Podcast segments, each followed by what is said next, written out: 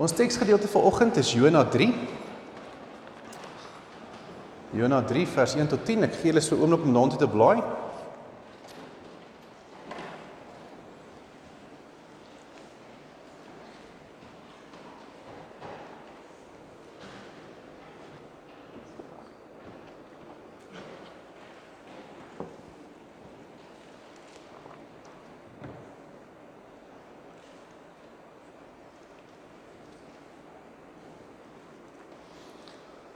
Goed, voor ons begin, kom ons sit sommer so dan bid ons saam. Here almagtige God, baie dankie vir die voorreg wat ons het om so as 'n gemeente bymekaar te kan wees. Here, dankie dat ons kan weet dat U ook ver oggend self hier teenwoordig is, want dit is wat U vir ons beloof in die skrif. Heilige Gees, ons kom vra dat U vir ons die bekommernisse en gedagtes wat ons het, vir ons eenkant toe sal sal skuif. Here, daar waar ons die woord gaan oopmaak, dat U dit vir ons sal oopbreek. Here, dat U ver oggend vir ons sal leer dit wat U vir ons wil leer. Here, ons kom bid en vra dat U ons nie onveranderd ver oggend hier sal laat uitgaan nie. Ons bid dit in Jesus se naam. Amen. Goed, julle almal ken die storie van Jona. Nee, Jona wat moes gaan gaan preek daar in Ninive en hy wou nie toe na 'n ander plek wil gaan gaan wegkruip vir die Here wat toe nou ingesluk is deur 'n vis en op die ou einde uitgespoeg is en toe nou gedoen het wat die Here gesê het hy moet doen. Nee, dit is so in kort vinnig Jona, maar kom ons lees daar hoofstuk 3 vers 1 tot 10. Die woord van die Here het 'n tweede keer tot Jona gekom. Maak klaar, gaan na die groot stad Ninive toe en spreek hom aan met die boodskap wat ek jou sal gee. Toe maak Jona klaar en gaan na Ninive toe soos die Here hom beveel het. Ninive was 'n baie groot stad mense 3 dae gevat om deur dit te stap. Jona het die stap ingegaan en 'n dag lank daar rondgestap en toe roep hy uit: "Nog net 40 dae en Ninive word verwoes." Die mense van Ninive het toe in God geglo en hulle het 'n dag aangekondig om te vas. Groot en klein het rouklere aangetrek. Die berig het ook by die koning um, van Ninive uitgekom. Hy het van sy troon af opgestaan en sy klere, sy koningsklere uitgetrek rouklere aangetrek en op 'n ashoop gaan sit.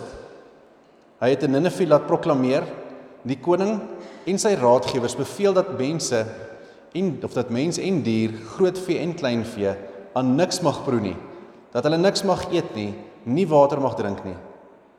Mense en dier moet rouklere aan hê en die mense moet ernstig tot God roep en hulle van hulle verkeerde dade bekeer en berou hê oor die geweld wat hulle gepleeg het. Miskien sal God van plan verander en nie meer kwaad wees vir ons nie. Dan sal ons nie omkom nie. Toe God sien wat hulle doen en hoe hulle hulle bekeer van hulle verkeerde dade, het hy afgesien van die ramp wat hy gesê het hy oor hulle sal bring. Hy het nie die ramp gestuur nie. Nou tot sover. Nou soos ek sê, ons almal ken die verhaal van Jona. Die eerste hoofstuk is Jona word geroep om na Ninive toe te gaan en dan doen hy nie wat die Here sê nie. Dan hier in die tweede hoofstuk dan sê hy in die vis en dan soek hy na die Here en die Here luister na hom en dan spoeg die vis hom weer uit, nê. En dan nou hoofstuk 3 wat die Here 'n tweede keer na hom toe kom en vir hom sê: "Mag gaan nou Ninive toe met hierdie boodskap wat ek jou sal gee." Dit is baie belangrik die woorde met die boodskap wat ek jou sal gee, nê. So ons sal nou 'n bietjie praat oor dit. Nou my tema vir oggend is wat maak ons met God se vertroue? Nou kom ons vra 'n bietjie die volgende vraag eerste, verantwoordelikhede. Wat se verantwoordelikhede het ons? En wat se verantwoordelikheid het jy laas die, die afgelope tyd gehad wat bietjie swaar op jou gedra het? En wat sou jy kan sê, het jy jou taak, het jy jouself goed ge, gekwyt van jou taak? Het jy dit goed hanteer? Wat het jy gedoen met daai verantwoordelikheid wat vir jou gegee is? Nou kom ons hoor eers 'n bietjie. Wat se verantwoordelikhede het ons nou gehad die afgelope tyd? Wat sou jy gesê het? Wat jy wat wat wat was jou verantwoordelikheid gewees van jou verantwoordelikhede? Hoef nie iets diepste wees nie, dit kan enigiets wees, nê. Nee. Enigiemand? Ons moes dalk beestes kos gegee het, ons moes mense betaal het, ons moes rekeninge betaal het, ons moes die kinders skool toe gevat het. Kinders moes dalk al 'n bietjie begin leer het. Nê, nee, dis 'n klomp klomp verantwoordelikhede wat daarbey saamgaan, nê. Nee, miskien moes jy 'n guns vir iemand gedoen het. Miskien het jy beloof ek sal jou help met dit en toe die tyd het daar aankom toe besef jy maar daar's eintlik 100 ander goed om op te doen. So nou moet ek hierdie guns ook nog doen. Net wat bietjie swaar op jou gedruk het, maar tog het jy dit gedoen, hoop ek. Né? Nee? En dan die tweede deel van hierdie vraag is, maar hoe het jy jouself gekwyt van daardie taak? Sou jy gesê het jy het dit goed hanteer? Sou jy sê as jy nou die ander persoon was en gesien het hoe jy dit gedoen het, sal jy tevrede gewees het met daai manier wat jy die verantwoordelikheid uitgevoer het? Of sou jy gesê het nee, ek kon seker maar 'n bietjie meer meer moeite gedoen het? Hey, dis dis vir jouself. Jy gaan vir jouself daai daai vraag moet aanvra. Maar soos ek sê my tema vanoggend is wat doen ons met hierdie vertroue wat God aan my gee, wat God aan jou gee? Wat doen ons met daardie verantwoordelikhede wat ons kry? Ons gesels vandag 'n bietjie oor Jona en al wat 'n mens eintlik dink en en hoor wanneer ons praat oor Jona is Jona was iemand wat ongehoorsaam was. Iemand wat nie geluister het na die Here nie en die moeilikheid beland het, om hulp gevra het en gered is en 'n tweede kans gekry het. Nee, maar ek dink nie ons dink so ver van Jona nie. Ek dink as jy vir die normale mens vandag vra vertel vir my van Jona, dan was dit Jona was in die vis. Dis wat ons onthou van Jona. Jona was in die vis. En ek dink saam met dit sal ons onthou maar hoekom was hy in die vis? Want hy was ongehoorsaam. Nee, dit is die ding wat ek en jy onthou van Jona. Maar as ons nou 'n bietjie na die karakter van Jona gaan kyk, dan sien ons dat God het hom vertrou met sekere dinge. So byvoorbeeld God het hom vertrou om te gaan preek, om mense te vertel van die Here. God het hom vertrou om 'n profeet te wees, né? Nee? En dan het God hom ook vertrou om 'n verhouding met die Here te hê. Dit was sommer so 'n kort 'n paar dinge waarmee die Here Jona vertrou het. Nou die eerste ene is God het hom vertrou om 'n boodskap te gaan verkondig, 'n boodskap wat die Here vir Jona sal gee. Nee, so hy weet nog nie wat die boodskap gaan wees nie. Hy het seker maar 'n idee wat gaan gebeur, maar terug by daai gedagte van God het hom gestuur, God sal ook vir hom die boodskap gee. Selfs vir my en jou. Wanneer God jou wil gebruik, sal God ook die woorde in jou mond plaas. Of God sal dit ook vir jou moontlik maak om dit te kan doen wat hy jou gestuur het om te doen. So hy word met hierdie met hierdie boodskap gestuur. Dis 'n boodskap wat mense tot inkeer sou gebring het in Ninive. Nou Ninive was 'n groot stad. Dit was 'n verskriklike groot stad. Hulle sê daar sou jy moes 3 dae gevat om hierdie stad te loop. So dit was regtig 'n groot stad, 'n stad. En hierdie was maar eintlik 'n goddelose stad geweest. En Jona moet nou hierdie hierdie boodskap vat na hulle toe. En wanneer ons daar by hoofstuk 4 uitkom later, dan kom ons agter dat Jona was nie eintlik bang om te gaan na Ninive toe nie. Dit was nie vir hom 'n probleem eintlik om te gaan nie. Sy sy probleem was eintlik dat die reaksie wat sy prediking sou gehad het daar, dit was eintlik vir hom die probleem. Maar ons sal nou daarby uitkom.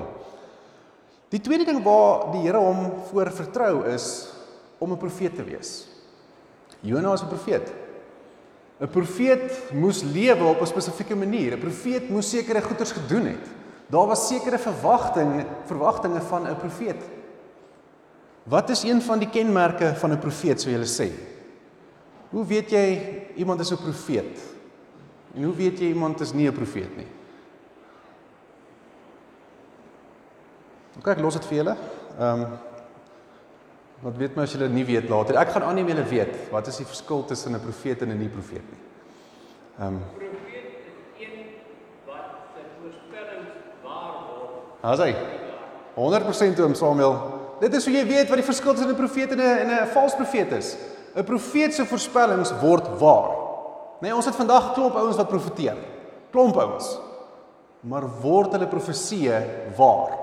En as die antwoord nee is, dan weet jy Jy sit met 'n valse profeet. Oom Samuel 100%. Ehm um, so hy was veronderstel om die pad saam met die Here te stap. Hy was veronderstel om te leef soos 'n profeet. Hy was veronderstel om mense te leer. Nee, 'n profeet is nie net mense wat profeteer nie. 'n Profeet is ook mens, iemand wat mense leer. Nee, in 'n mate is ons almal 'n tipe van 'n profeet iewers. Jy moet by iemand gaan leer van die Here. Dit is wat 'n profeet moet doen. Ons kan gaan kyk na die vrugte van die Gees in Galasiërs en wanneer ons bietjie na die wet ook gaan kyk en die trek die wet 'n bietjie uit, dan kom ons ook agter maar dit is hoe die lewe van 'n profeet sou gelyk het. Nê, nee, maar dis hoe die lewe van my en jou sou gelyk het, nê, nee, of moet lyk. Ek en jy wat sê ons is Christene, ons lewe moet op 'n spesifieke manier lyk. Net soos wat Jonas se op 'n spesifieke manier moes gelyk het. My en joune het ook so 'n manier hoe dit moet lyk. Dan 'n volgende ding, die derde ding wat ek gesê het wat wat wat die Here Jonah mee vertrou is, is hierdie verhouding wat hy het met die Here. Nou uit die verhaal van Jona kan ons vinnig agterkom maar Jona en die Here het 'n interessante verhouding gehad. Hoekom sê ek so? Jona die Here het met hom gepraat. Né? Nee, so hy het hierdie boodskap van die Here gekry.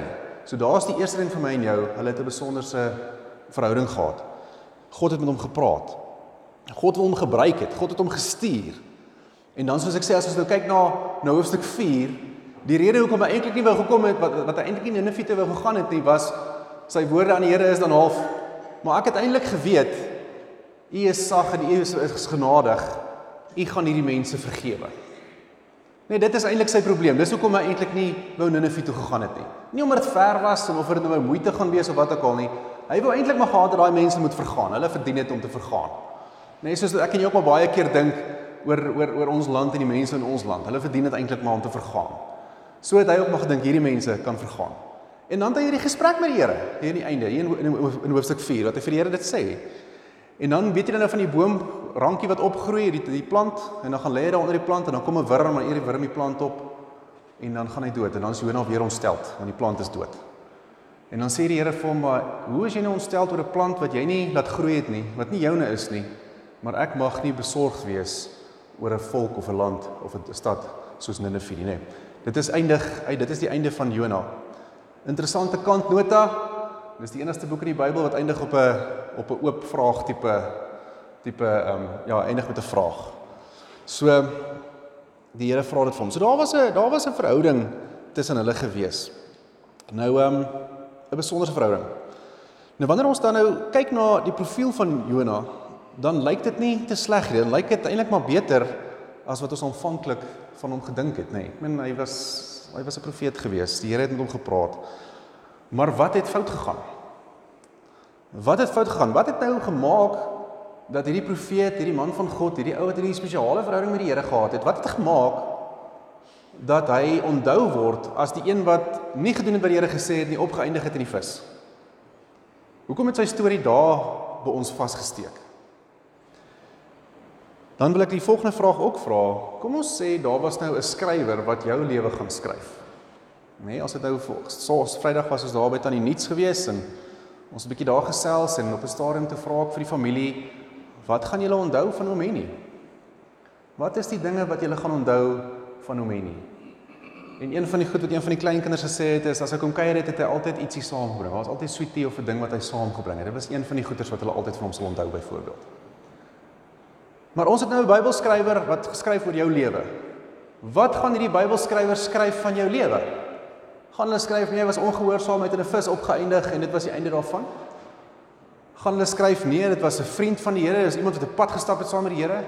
Gaan hulle skryf, "Sjoe, dit was dan iemand wat omgegee het vir die gemeente en vir die gemeenskap en vir arme mense?" Wat gaan hulle skryf van my en jou? So terug by my vraag, wat het fout gegaan? Wat fout gegaan het was Jona was ongehoorsaam teenoor die Here.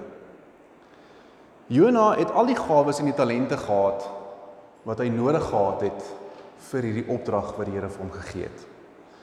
Jona kon preek, hierdie was nie sy eerste preek nie. Jona kon preek.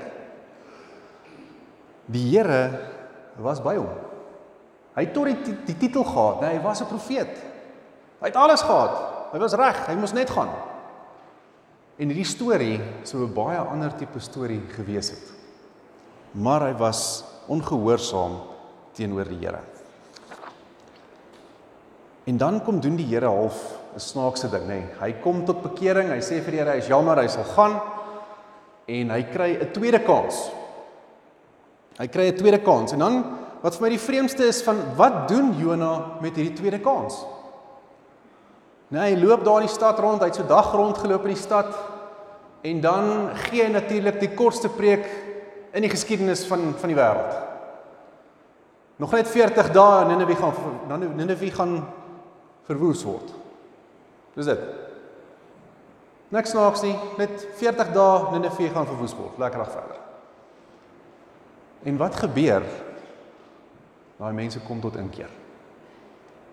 Nê? Nee, halfhartig stap hy daar rond. Hy's nie eintlik sou om dit te doen nie.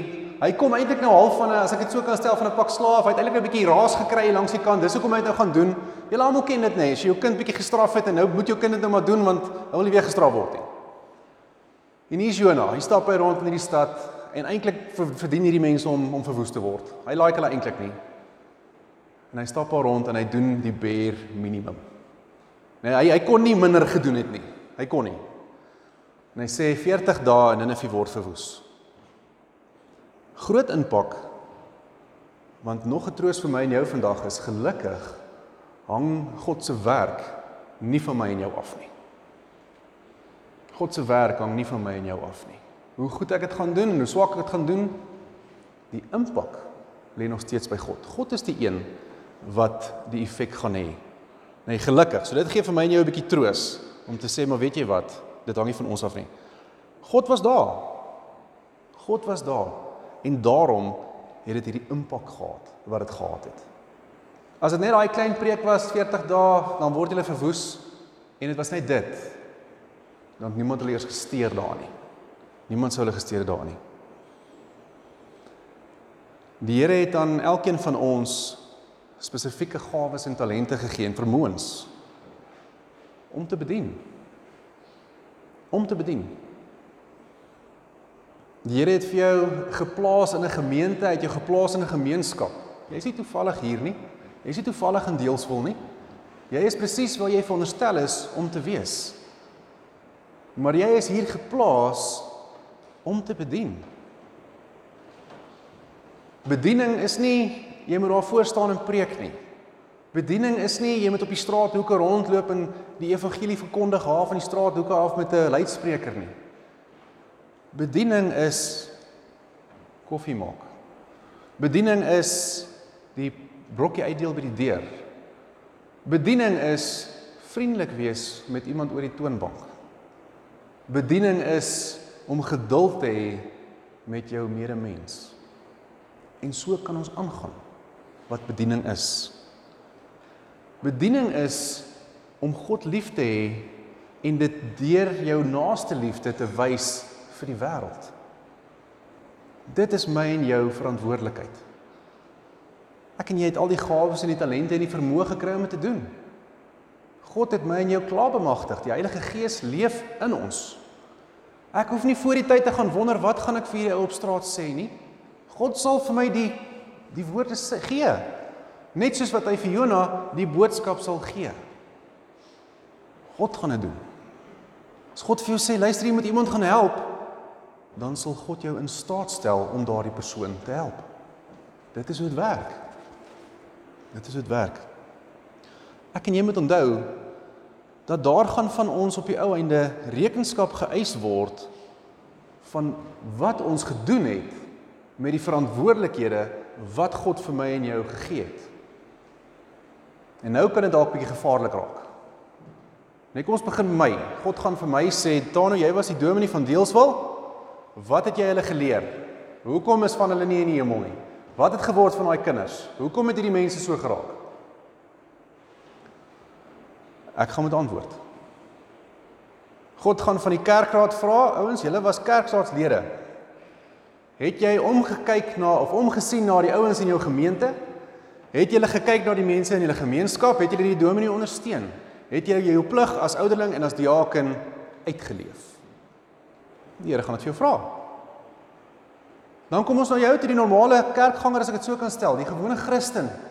Nee, nie dat daar enigstens 'n verskil is nie. Moenie moenie vir een oomblik dink jy word of die hoek nie, want jy's nie die dominee nie. Die Here gaan vir jou ook vra. Hoorie? Jy was in Deelswil. Jy was in die gemeente. Jy het die dominee geken, jy het daai arme mense geken, jy kon 'n verskil gemaak het. Wat het jy gedoen met hierdie gawes wat ek jou gegee het? Is nie lekker om te hoor nie. Die slegste ding om te hoor is jy as ouer gaan op die ou einde verantwoording doen by die Here oor wat het jy met jou kind gedoen? Wat het jy vir jou kind geleer? Het jy jou doopbeloftes nagekom deur jou kind te leer van die Here? Het jy jou doopbeloftes nagekom deur jou kind te laat leer? Nê? Nee, nie net by die kerk nie, maar by die sonnaarskool en waar ook al. Dit is deel van jou doopbeloftes. En die hartseer ding wat ek vandag vir julle kan vertel is, daar's 'n klomp ouers wat eendag verantwoording gaan doen oor hulle kinders wat nêrens is nie. En dis maar die tyd waarin ons leef. Nee, dit is maar die dis die antwoord wat ons het. Dis maar die tyd waarin ons leef. Kinders is besig, social media, sport en en en. Dis reg, social media, sport en alles.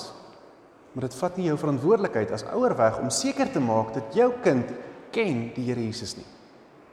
Dit vat nie jou verantwoordelikheid weg nie.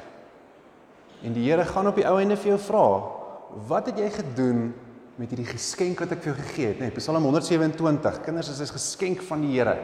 Wat het jy gedoen met hierdie geskenk wat ek vir jou gegee het? Nou kom ons gaan nou 'n bietjie na die positiewe kant toe, die gevolg van gehoorsaamheid. Wat was die gevolg van die gehoorsaamheid? Toe hy nou éventueel gaan, al was hy nou halfhartig daaroor, hy het nou maar gaan doen wat die Here gesê het hy moet doen, al was dit nou halfhartig, al was dit nou die bare minimum. Wat was die gevolg? Dit was hierdie verskriklike impak op hierdie mense se lewens. 'n Hele stad, so groot jy moes 3 dae daar deurloop om hierdie stad te kom. Al daai mense kom tot inkeer en tot berou tot die koning wat eintlik as 'n god gesien word baie keer, nee, in die Romeinse tyd en in die Assiriese tyd of wat ook al. Daai konings het gedink hulle is gode. Hulle was aanbid op 'n stadium gewees. Het julle al die, die fliek 300 gekyk? Dalk maar 'n bietjie die jonger mense 300. Dan praat daai Xerxes, dan praat hy van die God King Xerxes. Nee, hy was 'n god gewees. Hy het afgeklim van sy troon af. Hy het gaan rou. Die impak van gehoorsaamheid En hierdie is nie net iets wat met Bybelkarakters gebeur nie. Hierdie is iets wat met my en jou kan gebeur. Hierdie is iets wat ek en jy moet doen. Dit gaan dalk nie daai impak hê op daai een persoon of wat ook al, jy sal nooit weet nie. Jy ken die verhaal van wat is daai bekende ehm um, sendeling Billy Graham. Jy ken die verhaal van Billy Graham.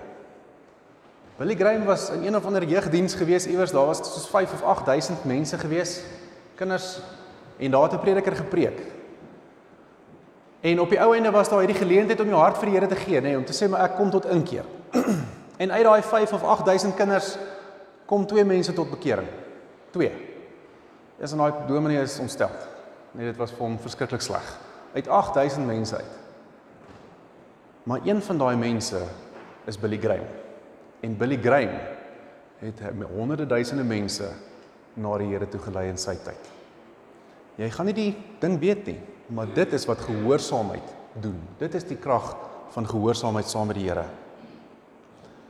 Vandag staan ek en jy hierso as dit 'n tweede kans. Nee, eintlik staan ons op ons 120 000ste kans. Nee, om weer 'n keer terug te draai na die Here toe, om weer 'n keer onsself te verbind aan die Here. Om weer 'n keer te sê maar as ek hier uitstap in vandag se kerk, dan gaan ek my lewe regryk in die sin van ek gaan begin luister wat sê die Here vir my en ek gaan gaan doen wat die Here vir my wil hê. Nee, ek wil gaan gehoorsaam wees. Ek en jy kry weer 'n keer vandag daai geleentheid. En jy gaan dit nie glo nie, môre gaan jy weer daai geleentheid kry, nie dag daarna weer. Want vir een of ander rede bly God vir ons kansse gee. Dis iets wat ons nooit sal verstaan nie, nê, nee, deel van die genade. Ons bly kansse kry oor en oor en oor en oor. Daar's nooit dis nooit te laat nie tot jy die dag tot sterwe kom, nê. Sal daai kanse daar bly en ek en jy kry weer eens die geleentheid om terug te draai na die Here toe om hierdie geleenthede aan te gryp. Ons gaan vandag nagmaal hou. En nagmaal is presies dit. Daar's daar's 'n geleentheid om as jy nog nie tot inkeer gekom het in jou lewe nie, is nagmaal die geleentheid om dit te doen.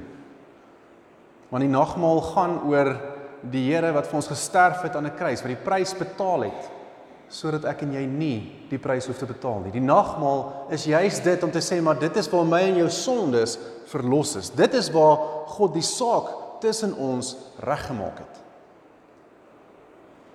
So dit is 'n geleentheid om tot inkeer te kom vir die eerste keer. Saam met dit is dit ook 'n geleentheid om wanneer ek en jy baie keer voel dat ek is bietjie ver van die Here af. Ek het al lank tot inkeer gekom en baie keer voel dit asof ek ver leef van die Here af. Ek ek kom nie uit waar ek moet uitkom nie. Ek is bietjie gedisconnect van die Here. Dan is die nagmaal weer eens 'n geleentheid vir jou om terug te gaan na die Here toe en te gaan sê Here, ek's jammer. Ek's jammer oor die dinge wat ek tussen ons geplaas het. Dankie dat U my nog nooit gelos het nie. Vergewe my sondes. Dankie dat ek kan vry wees. Die nagmaal is 'n geleentheid om onsself weer opnuut te verbind aan die Here. Vandag kry ons hierdie geleenthede. Wat gaan ek en jy doen met hierdie geleentheid? Wat gaan ek en jy doen met hierdie verantwoordelikheid wat die Here vir my en jou gee. Amen. Here almagtige God, dankie dat ons sommer uit die verhaal van van Jona 'n klomp lewenslesse en 'n klomp waarhede kon leer. Here, ons wil vandag kom bid en en dankie sê dat U ons nooit los nie. Here, ons wil kom bid en vir U vra dat daar waar U vir ons die geleenthede gee dat ons hulle nie sal mors nie. Here, ons wil vandag kom bid en vra dat U hierdie bereidheid in ons harte sal opwakker om vir U te lewe, om gehoorsaam te wees teenoor U. Here, dat ons hierdie vermoëns en gawes en talente wat U vir ons gegee het, sal gaan gebruik tot opbou van die koninkryk. Here, dat vandag die laaste dag sal wees waar ons terug staan en skaam sal wees of bang gaan wees om hierdie talente van ons uit te gaan leef. Here, en ons wil kom vra dat U ons sal gebruik in ons gemeente, maar ook in ons gemeenskap. Here, sodat ons dorp en so ook later die land U liefde sal sien wat in ons werk. Here, en dankie dat ons kan weet ver oggend dat dit hang nie van ons af nie. Here, dankie dat ons ver oggend net weer eens kon kon hoor dat U gebruik die mense wat bereid is. Here, en dankie dat ons ook vandag weer kon hoor dat ons nie hoef te worry oor hoe nie, maar dat U vir ons sal bemagtig wanneer die tyd reg is. Here, ek wil sommer net kom bid en vra dat dat U ons sal help om U stem te hoor, maar dat U ons ook sal krag gee en wysheid sal gee om dan oor te gaan in aksie. Here, daar waar ons nou die nagmaal gaan gebruik, wil ek kom bid vir die mense wat dalk vir die eerste keer vandag tot inkeer kom.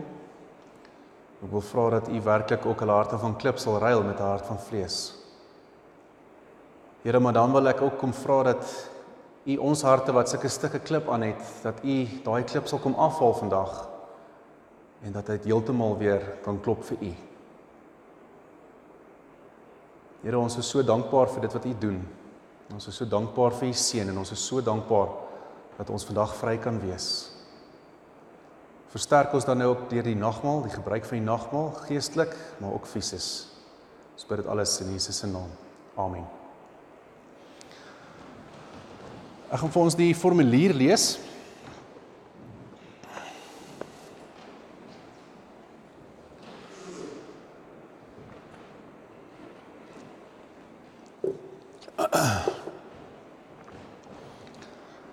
Geliefdes in die Here Jesus Christus, die Here het self die nagmaal ingestel, daarvan getuig Paulus.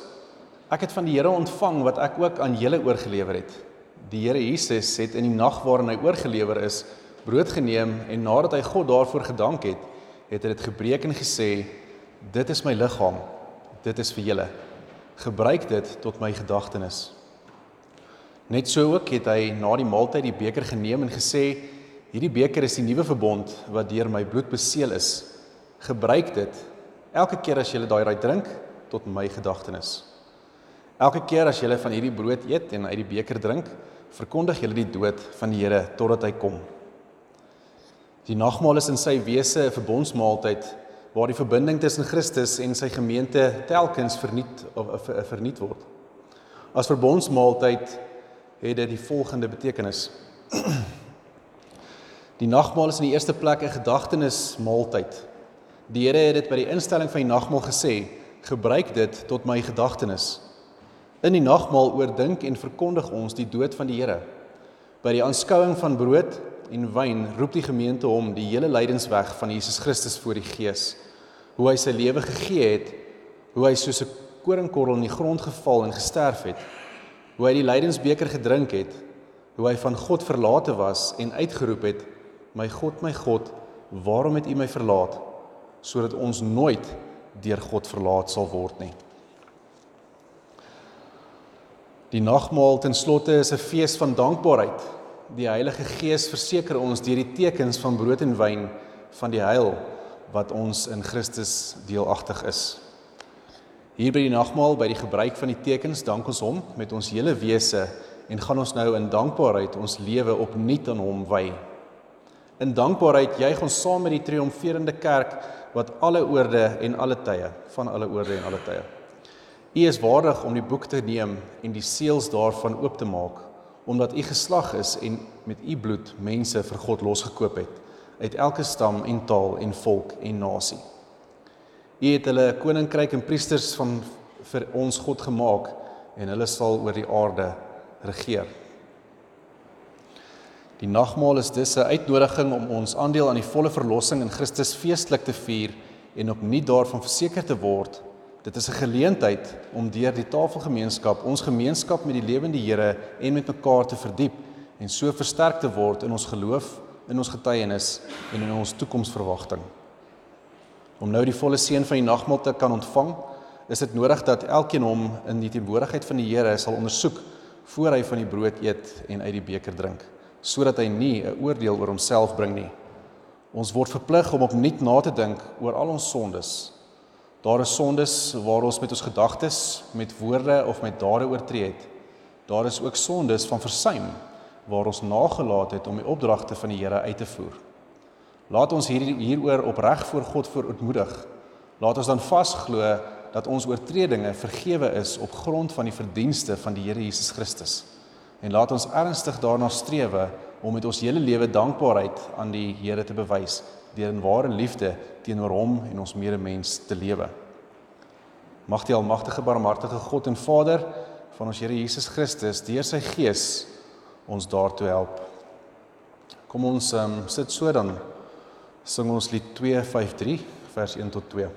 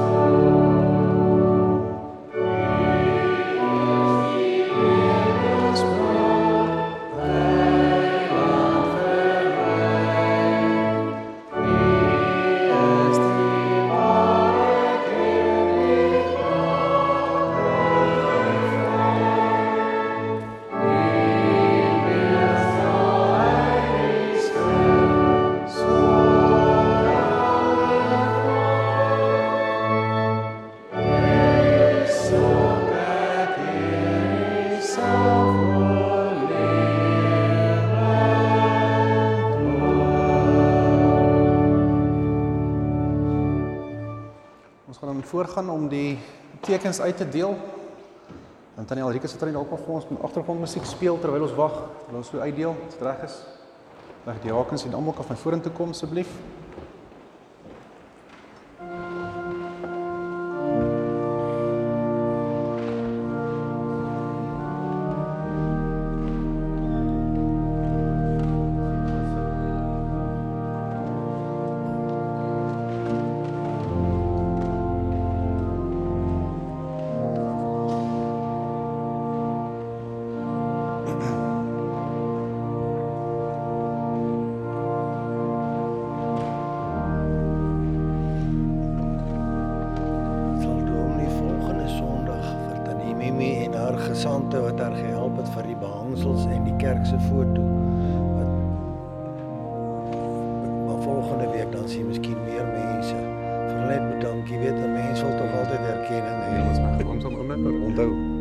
Ek sal jou onthou. SMS my maar net of so dan sal Ek ek sien onthou. onthou. Of as ons nou by die afkondigings kom volgende Ja. week. Maar ek dink dit is 'n goeie idee as ons moet ook. Sy kan dit op die afkondiging sit ook. Ja, ja, ja. ja. Dit is mense altyd erkenning. Nee, dit is so. Ja, dit is heeltemal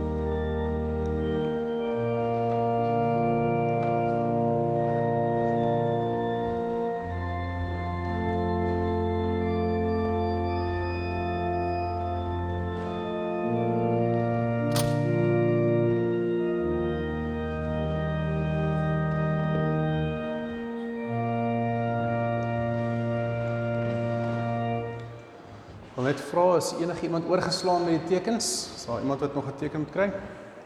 Dan gaan ek nou gaan in die kerk daar bedien.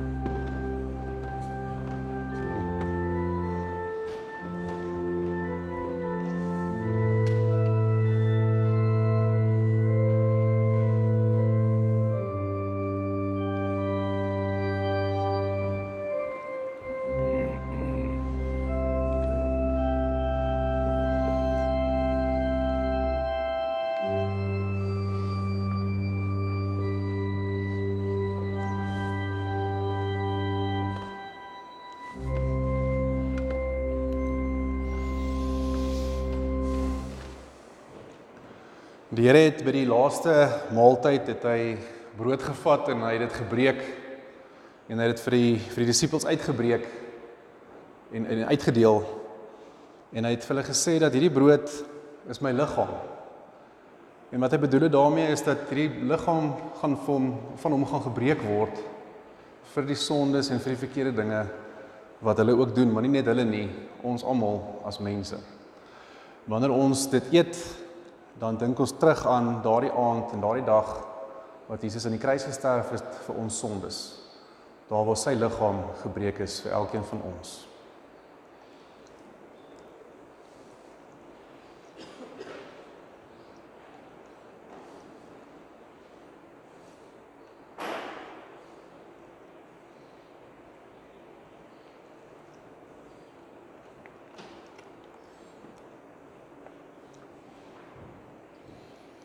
Die beker van danksegging.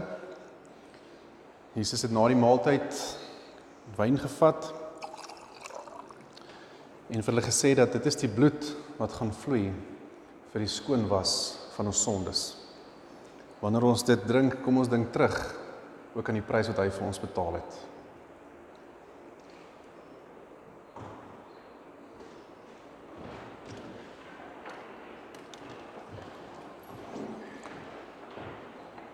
Is daar enigiemand wat uit die beker spesifiek wil ook nogmaal gebruik? Nee. Kom ons sit so dan bid ons saam. Here baie dankie vir die voorreg wat ons het as 'n gemeente en 'n gemeenskap om die sakrament van van die nagmaal vanoggend saam te kon gebruik. Here dankie dat deur hierdie teken sien ons hoe U ons geestelik en ook fisies versterk. En ons loof en prys U daarvoor. Here met die gebruik van die nagmaal het ons opnuut weer onsself verbind aan U. En ons kom vra dat U enigiets wat tussen ons is uit die pad sal ruim. Here ek kom bid en vra dat U deur die Gees ons sal versterk en dat U deur die Gees ons ook sal lei en sal op en en sal sal onderrig oor hoe U ook wil hê ons moet lewe. Here dankie dat U U seun vir ons gestuur het. Dankie dat hy die prys vir ons betaal het. En dankie dat hy opgestaan het En dankie dat ons kan weet omdat ons glo ons nie verlore sal gaan nie. En ons bid dit in Jesus se naam. Amen. Hoi. Dankie. Ons gaan dan nou ons doen nie ehm um, omdat ek maar gaan sit ja, reg. Ons gaan nie ehm um, dankoffers opneem nie. Ons gaan die dankoffers is by die by die deure. Ehm um, so ons gaan nou afsluit met 'n slotlied. So nie 'n slotlied nie. Waar is 'n slotlied?